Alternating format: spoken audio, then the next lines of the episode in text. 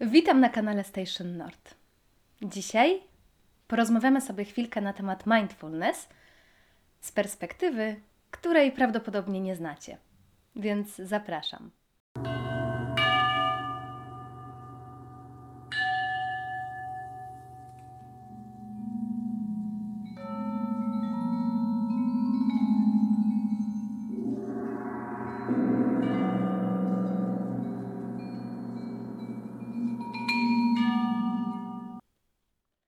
Warto na początek zaznaczyć, że w chwili obecnej mindfulness to jest taki trochę worek, do którego wrzucono dwa bardzo ważne, odrębne nurty, a mianowicie mindfulness based stress reduction, czyli ta wersja taka popularna, może spotkaliście się z jakimiś kursami mindfulness w internecie i tak dalej, to jest właśnie to, oraz mindfulness w rozumieniu buddyjskiego sati. I to są dwa odrębne nurty. One mają, można powiedzieć, pewien wspólny korzeń, ale to jest bardzo niewielka część wspólna. Natomiast oba nazywane są mindfulness, no i to troszeczkę sprawia, że mamy pewne pomieszanie z poplątaniem i czasami nie wiadomo, kto o czym mówi, więc rozgraniczmy to sobie. Mindfulness based stress reduction to jest technika, którą w latach 70. opracował psychiatra John Kabat-Zinn i ona była skierowana przede wszystkim do jego pacjentów, żeby pomóc im obniżyć poziom stresu. Czyli już tutaj widzimy, że ta technika pierwotnie była skierowana dla osób z jakimiś zaburzeniami, które były pacjentami psychiatrycznymi.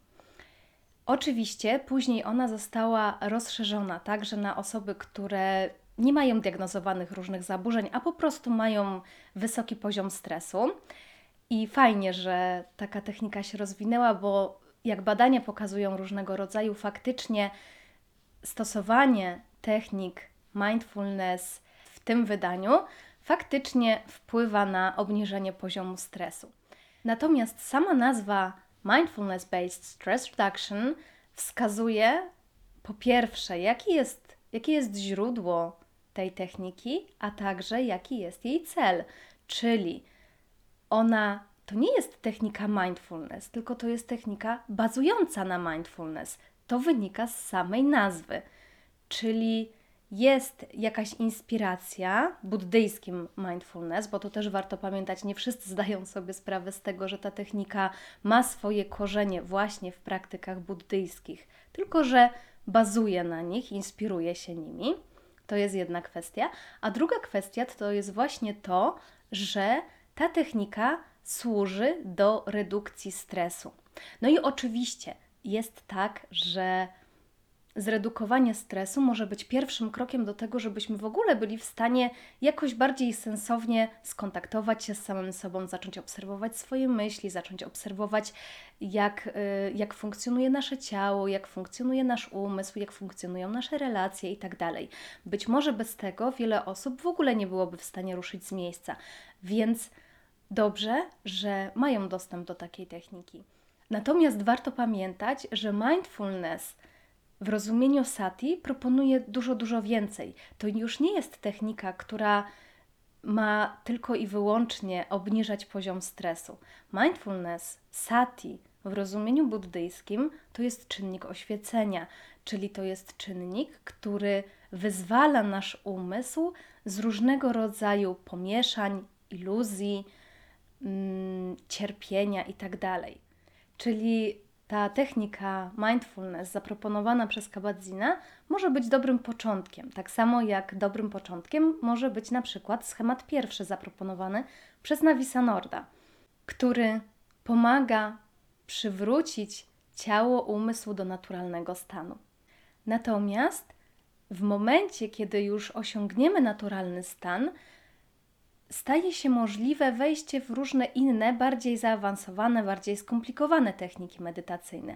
Dlatego, jeżeli interesuje Cię faktycznie medytacja, a nie tylko obniżenie poziomu stresu, to warto wiedzieć o tym, że tam, gdzie kończy się mniej więcej właśnie ten mindfulness zaproponowany przez e, właśnie Kabat-Zina, wchodzi mindfulness, może wejść mindfulness jako sati, czyli rozwijanie pewnego czynnika mentalnego, pewnej siły działającej w nas, która będzie nas wspierała w tym, żeby uwolnić swój umysł od cierpienia. I tutaj właśnie, pamiętając o tym, że, że rozwinięte sati jest czynnikiem oświecenia, no warto zastanowić się, w jakich kontekstach to ten, czyn, ten czynnik umieścić, czyli też jakby jaka jest funkcja, jaki jest cel tych medytacji właśnie związanych z sati. Czyli przede wszystkim będą to dwa procesy medytacyjne: proces prowadzący do spokoju oraz proces prowadzący do wglądu. Ale oprócz tego, no, nie możemy zapomnieć o tym, o samych podstawach buddyzmu, czyli rozpoznanie i zrozumienie cierpienia, rozpoznanie i zrozumienie przemijalności, nietrwałości oraz rozpoznanie i zrozumienie nie ja. Czyli sati, mindfulness w tym rozumieniu ma nas doprowadzić do takiego doświadczenia, do takiego zrozumienia też, to jest bardzo ważne, zrozumienia, które uwolni nas od tych podstawowych złudzeń, od tych podstawowych nieprawidłowych poglądów opisanych właśnie przez, przez buddyzm. Warto też zaznaczyć, że sati, mindfulness, jest siódmym elementem ośmiorakiej szlachetnej ścieżki. Czyli można powiedzieć, że w tej koncepcji jest to czynnik niezbędny, jeden z ośmiu czynników niezbędnych do tego, żeby tak przekształcić swoje życie, żeby faktycznie być w stanie osiągnąć bardzo wysokie stany wewnętrzne, bardzo wysokie stany świadomości. I jeżeli mówimy o sati, to możemy je rozważać na czterech różnych takich płaszczyznach. I z jednej strony to jest kaja, czyli ciało, z drugiej strony to jest vedana, czyli takie bardzo, bardzo pierwotne czucie. Z trzeciej strony to jest chitta, czyli pierwotna świadomość, a z czwartej strony to jest dharma, czyli podstawowe zjawiska, moduły rzeczywistości. I o każdym z tych elementów można by było zrobić osobny filmik, natomiast ja tylko bardzo krótko zaznaczę, jaka jest różnica właśnie przy tym pierwszym elemencie, czyli przy, yy, przy ciele, przy kaja. W technice MBSR mamy przede wszystkim dopuszczanie doznań. Mamy różne ćwiczenia, które pomagają kontaktować się, lepiej zarządzać też w pewien sposób zmysłami wzroku, słuchu, węchu, smaku czy dotyku. Natomiast na przykład brakuje tego, co będzie bardzo istotnym elementem w kontekście sati, w tym mindfulness buddyjskim, obserwacja ciała, a szczególnie obserwacja oddechu, bo de facto to jest bardzo ważny obszar właśnie pracy z ciałem przy mindfulness sati. Ma to między innymi prowadzić do rozpoznania nietrwałości, do rozpoznania przemijalności, do uwalniania się od strachu przed śmiercią. Czyli można powiedzieć, że te funkcje tych różnych technik medytacyjnych no, są po prostu odmienne.